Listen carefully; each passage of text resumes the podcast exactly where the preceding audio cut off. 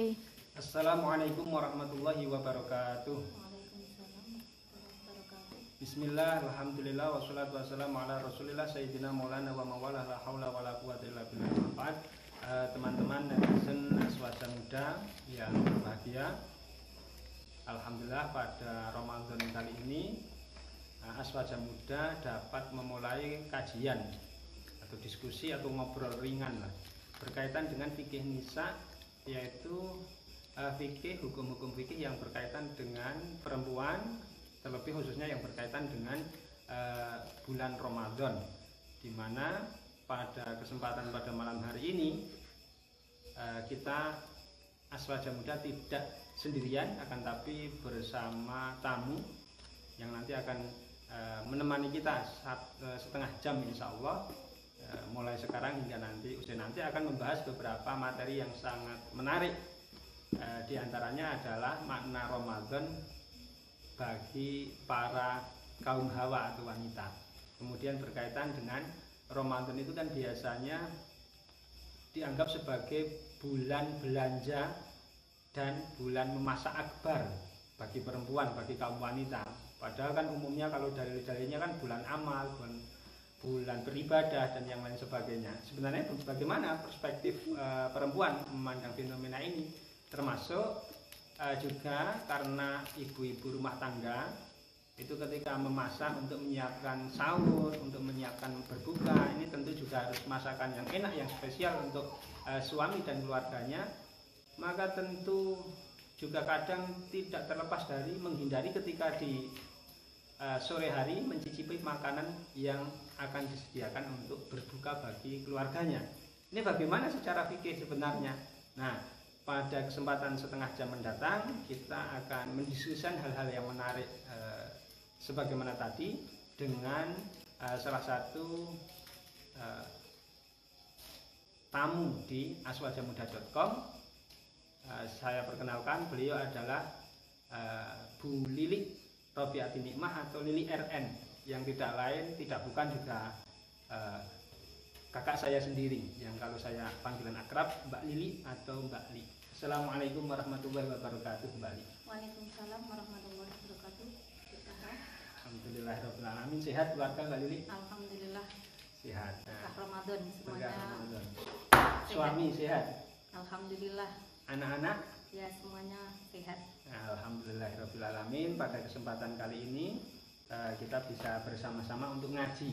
Ya. Kita saling melengkapi berbagi dengan teman-teman netizen Aswaja Muda berkaitan dengan eh, puasa eh, berkaitan dengan perempuan fikih fikih nisa. Eh, sebenarnya saya kan laki-laki Mbak Li, jadi kan Iya. tidak tahu perspektif perempuan itu kan seperti apa. Bagaimana?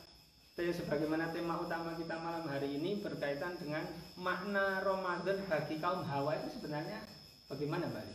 Ya, makna Ramadan bagi kaum hawa atau wanita itu sungguh sangat besar sekali dengan kaitannya berbagai amalan-amalan yang ada kaitannya dengan bulan Ramadan dan kaum hawa itu sendiri. Oh ya ya ya ya. Yang ini spesial untuk kaum Hawa berarti ya Mbak?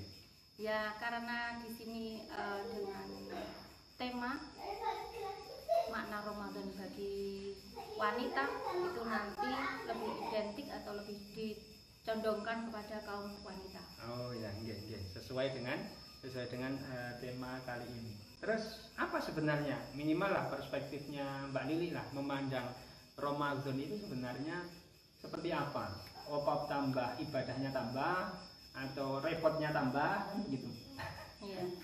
Itu tinggal kita untuk men- menyikapi bagaimana dengan eh, kerepotan kita dan dengan apa yang telah Allah perintahkan kepada kita sebagaimana Allah firmankan dalam surat surat Al-Baqarah ayat 183 A'udzu billahi minasyaitonir rajim Bismillahirrahmanirrahim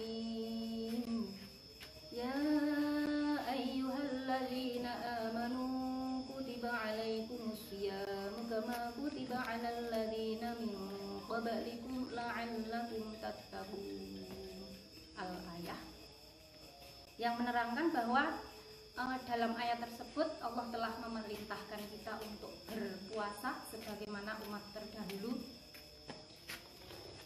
Untuk apa? La'allakum tattaqun. Nah, di sini prospek bagi kaum hawa atau wanita la'allakum tattaqun. Takwa sendiri itu kita menjalankan segala perintah Allah dan menjauhi apa yang dilarang oleh Allah. Berarti ini tapi kayaknya masih umum itu. Iya. Eh, Mbak Ali. Belum Nah, merujuk perempuan. Nah. Kalau saya kan laki-laki biasanya eh, ayat dari firman Allah Subhanahu wa taala Al-Baqarah ayat 183 ya. Iya. Ya ayyuhalladzina amanu kutiba alaikumusiyam kama kutiba alal ladzina min qablikum la'allakum tattaqun. Itu kan art- eh, akhirnya kita terjemahkan eh, bagi laki-laki berarti adalah ibadahnya ditambah, baca Qur'annya ditambah, kemudian amal-amal yang lain ditambah. Nah, ini nanti kalau bekerja menafkahi keluarga mungkin bisa ditambah tapi Nah. sesuai dengan pemasukan apalagi nah. sekarang situasi corona semacam ini. Nah, ini kalau eh, perspektifnya perempuan gimana kira-kira?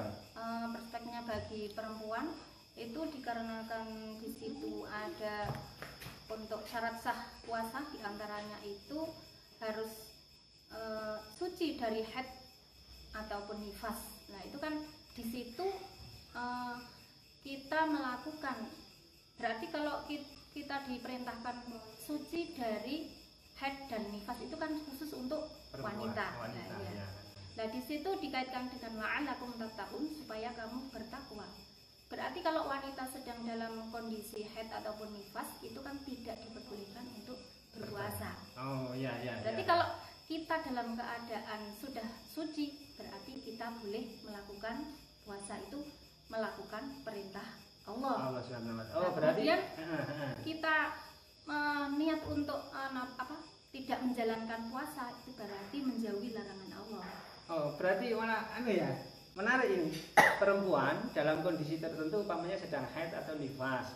Itu kemudian dia kan tidak boleh puasa, kan Iya. begitu kan ya, tidak boleh Iya. puasa. Akhirnya saya di Ramadan ini perempuan eh, tidak melaksanakan puasa Ramadan, tiada lain tiada bukan karena apa? Meskipun semuanya berpuasa, tapi karena saya kondisi sedang haid, saya kondisi sedang nifas, akhirnya saya tidak boleh, tidak ikut berpuasa. Nah, saya niati saya tidak berpuasa itu karena mengikuti perintahnya Perintah Allah. Subhanahu wa taala.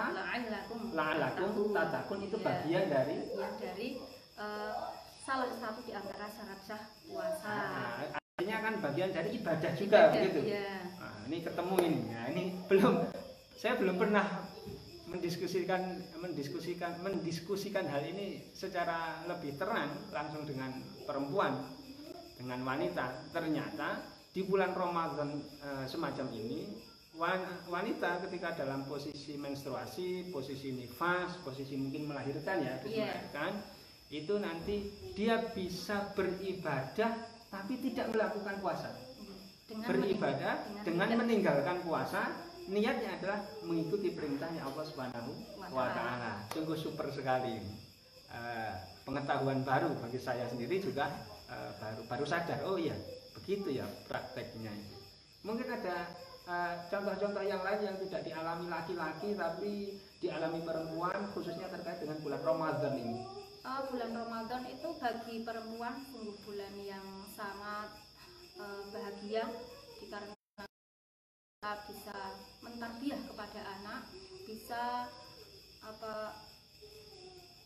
menciptakan keluarga yang penuh bahagia dikarenakan di situ kita nanti akan makan bersama-sama menikmati apa yang Allah berikan kepada kita dengan cara berbuka ataupun bersahur bersama-sama. Nah, Hmm. di situ kalau eh, kaum laki-laki biasanya kan sudah siap saji. Nah, Betul, jadi betul, seorang wanita atau kaum wanita, kaum hawa, seorang Umumnya ibu di- pada umumnya Di lingkungan Di- kita di ya, Indonesia gitu ya. Ya, biasanya yang mempersiapkan itu wanita. Nah, di situ dengan kita niat untuk eh, memuliakan atau untuk membahagiakan anak, suami dan keluarga, di situ pula kita akan mendapatkan Hmm, Pahala nggih. Oh, berarti selain tadi satu perempuan yang sedang head nifas dan wiladah atau melahirkan itu nanti beribadah dengan cara tidak melakukan puasa karena atau dengan niat mengikuti perintahnya Allah. agama Allah Subhanahu wa taala baginda kanjeng Nabi Agung Muhammad sallallahu alaihi wasallam. Kemudian berikutnya yang kedua berkaitan dengan kekhususan perempuan pula bahwa eh, ketika dia itu di bulan Ramadan tentu umumnya di Indonesia tidak semuanya ini karena kan ya Iya. karena kan keluarga itu kan beda-beda. Ada yang memang keurusan domestik dalam negeri itu Iya. full istri, Iya. ada yang bareng-bareng, ada yang kebalik, yang istri yang bekerja, Ya, kemudian sebagaimana dunia terbalik. Ya, sebagaimana cerita sinetron dunia terbalik. Nah, itu ternyata juga bisa menambah menjadi nilai ibadah juga ya. Iya. Menyiapkan sahur, menyiapkan apa itu namanya? berbuka puasa dengan segala kerepotannya untuk eh, bekal bagi ibadah sekeluarga gitu ya. Iya. Berarti apa itu? Al Al ajaru bi al ajru bi qadri ta'ab. Berarti dari dari sisi ini al ajru bi qadri ta'ab artinya kerepotan perempuan itu kan banget gitu kalau Iya, nah, dibanding kalau dengan laki-laki umumnya. Berarti itu pahalanya kalau hitung-hitungan ini ya, hitungan ya umumnya orang itu ya matematika. Itu pahalanya perempuan justru lebih banyak ya. iya, Ya, iya. dari sisi ini, Dari dari, sisi ini. Ya. nggih, nggih, nggih. Eh, sebentar. tapi saya yang tertarik, yang tertarik dari eh, diskusi kali ini adalah tarbiyah tentang tarbiyah pendidikan anak. Emang ada bedanya antara bagi perempuan ya, bagi Iya. wanita untuk mendidik anaknya antara Ramadan dengan di luar Ramadan ada bedanya. Oh, tentu banyak perbedaan. Karena kan kalau eh, di hari-hari biasa atau bulan-bulan selain Ramadan, kita tarbiyah mungkin dari sholat, dari belajar mengaji ataupun yang lainnya.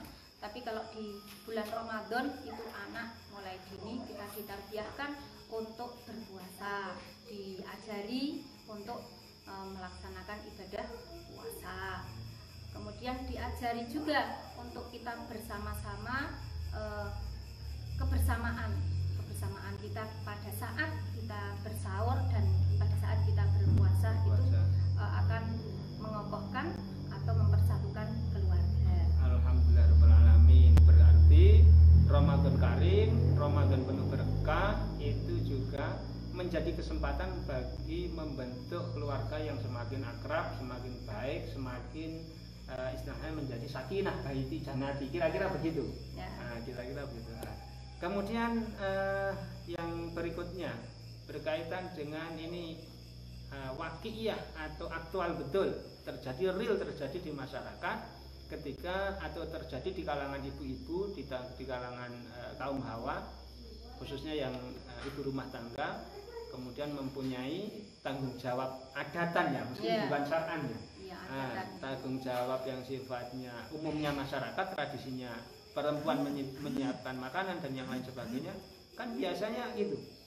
Kalau nggak dicicipi kan kadang kasinan Iya. terlalu asin kemudian terlalu pedas sementara ada anak ada suami yang kadang seleranya berbeda itu gimana Eh, apakah dari sisi fikihnya itu diperbolehkan kita itu mencicipi Iya, diperbolehkan dalam eh, fikih itu kalau seorang wanita khususnya ibu rumah tangga ya Hmm, oke, oke. itu diperbolehkan untuk mencicipi makanan ke- eh, ketika dalam keadaan puasa Hmm. karena eh, dikatakan oleh Imam Az-Zayyadi wa dzauqu ta'ami khauf fal wusuli ila halaqihi ay ta'atihi li syahwatihi Dimek- eh, di- dimekruhkan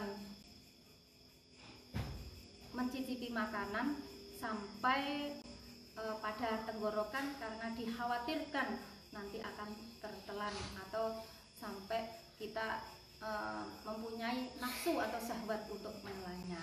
Itu khawatir gitu ya Khawatir. orang-orang itu kan cicip wah ini enak ini terus keterusan kan gitu ya Keterusan. semacam itu bagian dari min makruh hati siam gitu Iya, ya Ah, iya, iya, iya. ya. Nah, terus kalau nggak boleh atau ada alternatif yang lain Nah, kalau uh, uh, wa mahalul karohati ilam takun lahu hajatun.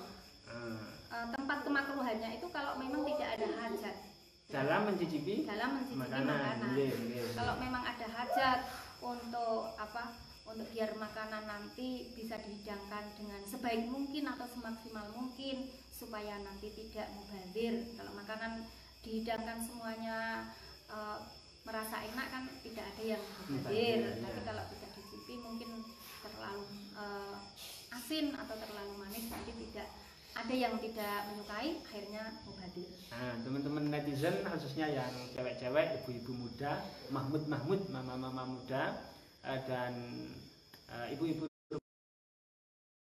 Nah, ini ada catatan ini. Ternyata dari Mbak Li ini atau Bu Lili ini ada eh, catatan dari tadi Imam Azayati, Imam Azayati. dari kitab? Ya, dari kitab Syarqawi. Ah, kitab Sarkawi Hasyiah Sarkawi ya gitu ya ya. Syarqawi. Hasyiah Sarkawi alat tahrir Hasyiah Sarkawi di sana dinyatakan bahwa hukum dasarnya pada awalnya orang mencicipi makanan orang mencicipi makanan ketika kondisi berpuasa itu hukumnya adalah makro makro itu hukum dasarnya gitu Hukum kan ya? dasarnya makro akan tetapi ketika nanti kok ada ada keboleh ada kebutuhan untuk mencicipi makan mencicipi makanan maka itu nanti tidak menjadi makro Tidak konteksnya menjadi- sudah berbeda hukumnya menjadi berbeda. Iya. ada mungkin contoh-contoh yang real yang pernah disampaikan dalam eh, kitab-kitab fikih kita kita ngaji di pesantren eh, itu contoh yang hajat itu seperti apa? Contoh yang hajat itu eh, seandainya eh, bagi kita yang mempunyai anak kecil, eh, anak kecil itu nanti kalau tidak dicicipi mungkin kepedesan. Oh gitu Nah itu nanti, nah di situ amat tobah rojulaka na'li meru'atan wa malahu sawir yu'aliduhu fala yusrohu fi haqqiha fi haqqiha dalika qawlahu azza Hmm, jadi dari situ eh, maksudnya? Maksudnya bagi eh, tukang masak atau wanita baik wanita ataupun laki-laki yang tugasnya untuk memasak atau bagi perempuan yang mempunyai anak kecil yang memang dia eh, disuruh untuk menyuapi maka tidak dimakruhkan hukumnya mencicipi makanan ketika dalam keadaan berpuasa. Oh begitu gitu. Berarti ya karena satu faktor Oh tadi disebutkan baik laki-laki atau perempuan yang Iya, menjadi juru masak gitu masak. ya, Kan menjadi atubah ya. kopi-kopi itu Kopinya laki-laki, tapi kan konteksnya yang kita bicarakan itu kan dalam rumah tangga kan perempuan, Perempuan, gitu ya. iya. Nah, ini fikhun nisa dari sisi catatan berikutnya adalah ternyata dalam mencicipi makanan hukumnya makruh kecuali ada konteks yang berbeda kebutuhan karena untuk agar makanannya itu tidak mubazir umpamanya Iya. harus dicicipi kemudian ada anak kecil nanti tidak kepedesan Iya. maka itu tidak apa-apa tidak ada hukum makruh untuk menyicipi Makanan. makanan asalkan kalau pas terasa enak itu tidak ditelan Tidak gitu ya pertamanya Tidak nyicipi pertamanya nyicipi kemudian lah kayak enak ini ditelan ini jam jam apa ditelan. setengah lima sore ya ini kan ya, ya repot juga. Bukan makruh lagi, bukan. nanti Nanti haram gitu ya. Iya. Nah, berarti bertentangan dengan ya ayyuhalladzina amanu kutiba alaikumusiyam kama kutiba alal ladzina min qablikum la'allakum tattaqun. Justru tidak mendekatkan kepada ketakwaan, Iya. tapi bertentangan dengan semangat ketakwaan itu. Begitu berarti ya, eh, Bunda. Alhamdulillah rabbil alamin. Eh, sudah banyak yang kita dapatkan dari ngaji atau diskusi fikih nisa ini. Eh, sudah waktu sudah hampir tinggal berapa ini? 6 menit. Eh, kemudian yang sangat penting pula selain fikih itu biasanya keteladanan keteladanan mungkin dari wanita-wanita solehah, sahabatnya kanjeng Nabi, istrinya atau yang lebih dekat pada generasi kita adalah bunyai-bunyai yang kita jumpai berkaitan dengan puasa mungkin bisa berbagi Mbak Li.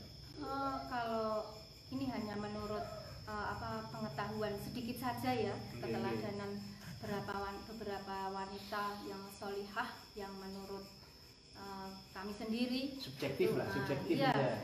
itu ada beberapa wanita-wanita yang di situ beliau-beliau itu rajin berpuasa apalagi di bulan Ramadan pada bulan-bulan nggih. yang selain Ramadan saja beliau-beliau itu eh, sungguh semangat untuk berpuasa dan perlu kita teladani Sebagaimana- Daud, naon atau macam-macam ya Iya ya? macam-macam. Eh, itu di antaranya al karomah ibu Nyai Hajah Hudori atau simbah Nyai Hajah Hudori ibunda dari siapa Bapak Kiai Yusuf Hudori atau Gus Yusuf. lah, Oh, ibunya itu. Gus Yusuf ya, ibunya Yusuf ya.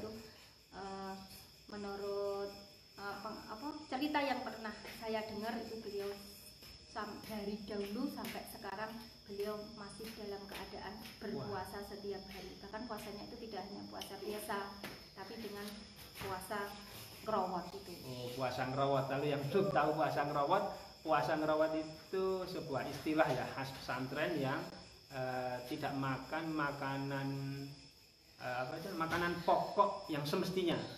Saya dulu juga pernah itu di pondok meskipun beberapa satu dua hari yang ngerawat itu kan ya. Itu biasanya kan beras kita kan ya. Kita biasanya makannya itu beras dinanak menjadi nasi. Iya. Kemudian kalau ngerawat diganti diganti apa itu namanya? selain dari selain dari beras. beras kemudian ya mungkin bisa jagung bisa ketela atau yang lain tapi ada teman yang rawat ini yang justru gantinya ganti anu balik. Sarimi. Eh, sarimi atau bahkan lauk pauknya itu yang banyak. Tapi bukan itu. Ini hanya iklan saja.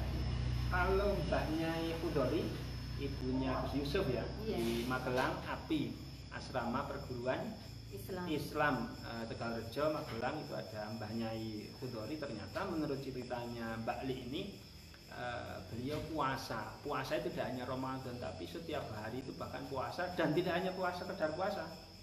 Eh, tidak hanya sekedar puasa bahkan puasanya adalah puasa ngerawat maka mungkin wajar ya eh, kita lihat kalau kita lihat itu santri-santri di Tegalrejo orang-orangnya itu santun kemudian menjadi sosok ketika pulang itu ya banyak ya saya punya beberapa beberapa teman di Tegalrejo alumni Tegalrejo itu ternyata kan eh, bergaul dengan masyarakat sangat baik. Itu ya sedikit banyak kan juga dari beliau. riadahnya beliau khususnya dengan puasa subhanallah subhanallah. Mungkin ada eh, inspirasi-inspirasi yang lain bagi eh, ibu-ibu muda bagi kaum hawa bagi ibu-ibu rumah tangga bahwa banyaklah teladan-teladan eh, wanita solihah yang berkaitan dengan puasa dan itu adalah orang-orang yang masih dekat dengan kita masanya masih hidup bahkan Iya. ya, masih sugeng ya. Nah itu perlu sowan kapan-kapan ya minta doa minta barokah beliau. Nah itu mungkin ada yang lain yang bisa dibagi. Ya yang lebih dekat lagi beliau al mukarromah ibu Nyai Hajah Sintok Nabilah. Ini beliau juga eh, wanita teladan dalam beriadah yaitu ibadah berpuasa beliau sangat apa semangat untuk beriadah dan sangat perlu kita contoh keteladanan Hmm. beliau dalam eh, beriadah Eh, Bu Bu Nyai Sintok Bu Hajah Nyai Sintok Nabila pengasuh pondok pesantren. Al Hidayah Kedung Lumpang Salaman Magelang. Ini ada wanita-wanita inspiratif ternyata di Magelang itu. Ada Mbah Nyai Khudori di Tegalrejo ada yang kemudian Bu Nyai Sintok Nabila yang ada di Kedung Lumpang Salaman pesantren Putri Al Hidayah Iya. itu kan ya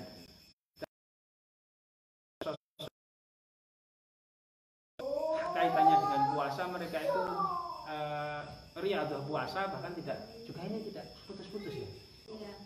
Ya, sehingga apa ya dengan barokah beliau-beliau berpuasa itu banyak sekali karomah-karomahnya beliau yang akhirnya menimbulkan eh, beliau-beliau itu bisa mencetuskan keturunan yang solih solih solihah yang perlu Kemudian kita teladani. Amin amin amin. Kemudian juga apa itu di masyarakat eh, bisa menata masyarakat, bisa Iya. menjadi teladan gitu. Iya, Sowan menjadi saja itu mungkin sudah kita sudah bahagia ya. Kalau Iya. sowan saja itu sudah belum didamu, apa itu bahasanya? Belum didamu, belum Ditanyai. ditanyai itu sudah sudah bahagia Iya. juga juga dengan orang-orang soleh, kiai-kiai soleh dengan bunyai-bunyai soleh yang penuh keteladanan. Iya. Subhanallah sangat eh, banyak sekali inspirasi ngaji fikih eh, Nisa Aswaja Muda pada malam hari ini ini yang perdana Eh, semoga meskipun sedikit durasinya hanya setengah jaman kurang lebih setengah jam dapat membawa kemanfaatan keberkahan bagi kita semua utamanya menambahkan kesemangatan kekhusyuan kita dalam menjalani ibadah puasa dan ibadah lainnya di bulan Ramadan mungkin bisa ditutup dengan doa selawat atau apa Mbak. Mari pada kesempatan ini karena kita dalam kondisi pandemi COVID-19 ini. COVID-19 Iya. ya, yang hari eh, sebagaimana para kiai dan para ulama disuruh untuk membaca lihom satun dan juga membaca eh, sholawat tidur bulu. Mari kita bersama-sama dengan membaca lihom satun tiga kali dan juga eh, sholawat tidur bulu.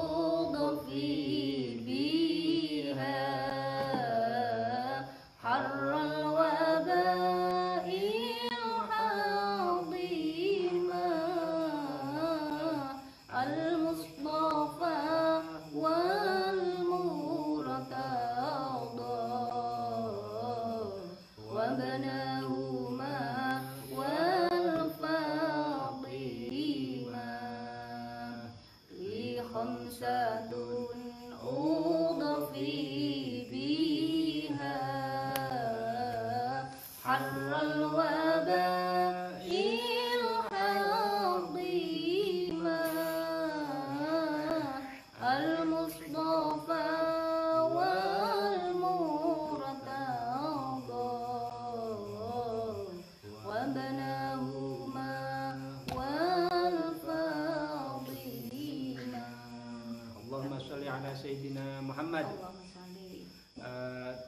teman-teman netizen yang berbahagia, alhamdulillah setengah jam kurang lebih kita sudah melewati kajian perdana ngobrol perdana tentang fikih nisa atau wajah muda. Semoga mendatang pada minggu mendatang kita pekan mendatang kita bisa bertemu lagi membincangkan hal-hal keseharian yang berkaitan dengan fikih nisa atau fikih berkaitan dengan hukum-hukum seputar kaum hawa khususnya di masa-masa Ramadan kali ini Syahrul Ramadan, Syahrul Karim, Syahrul Mubarak Eh, kemudian juga di tengah pandemi ini semoga uh, segera pandemi COVID-19 ini bisa berakhir dan usai dari negeri kita dengan uh, tawasul-tawasul.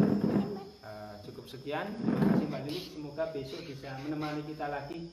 Mohon kesempatannya di tengah sibuk sebagai wanita karir di pasar. Semoga Allah meridhoi amin amin apa amin yang telah kita lakukan. Nah, menjadi tambahan uh, bagian dari upaya kita untuk beramal soleh itu. Uh, terima kasih. Uh, teman-teman netizen yang berbahagia cukup sekian dari saya Ahmad Muntaha bersama Buli atau Mbak Li uh, cekap atau cukup sekian paling cekap itu bahasa Jawa cukup sekian banyak kesalahan dari kami ada kekurang sempurnaan kritik dan saran uh, silahkan disampaikan di kolom komentar walafu minkum wallahu muwafiq ila aqwamit thoriq wassalamualaikum warahmatullahi wabarakatuh.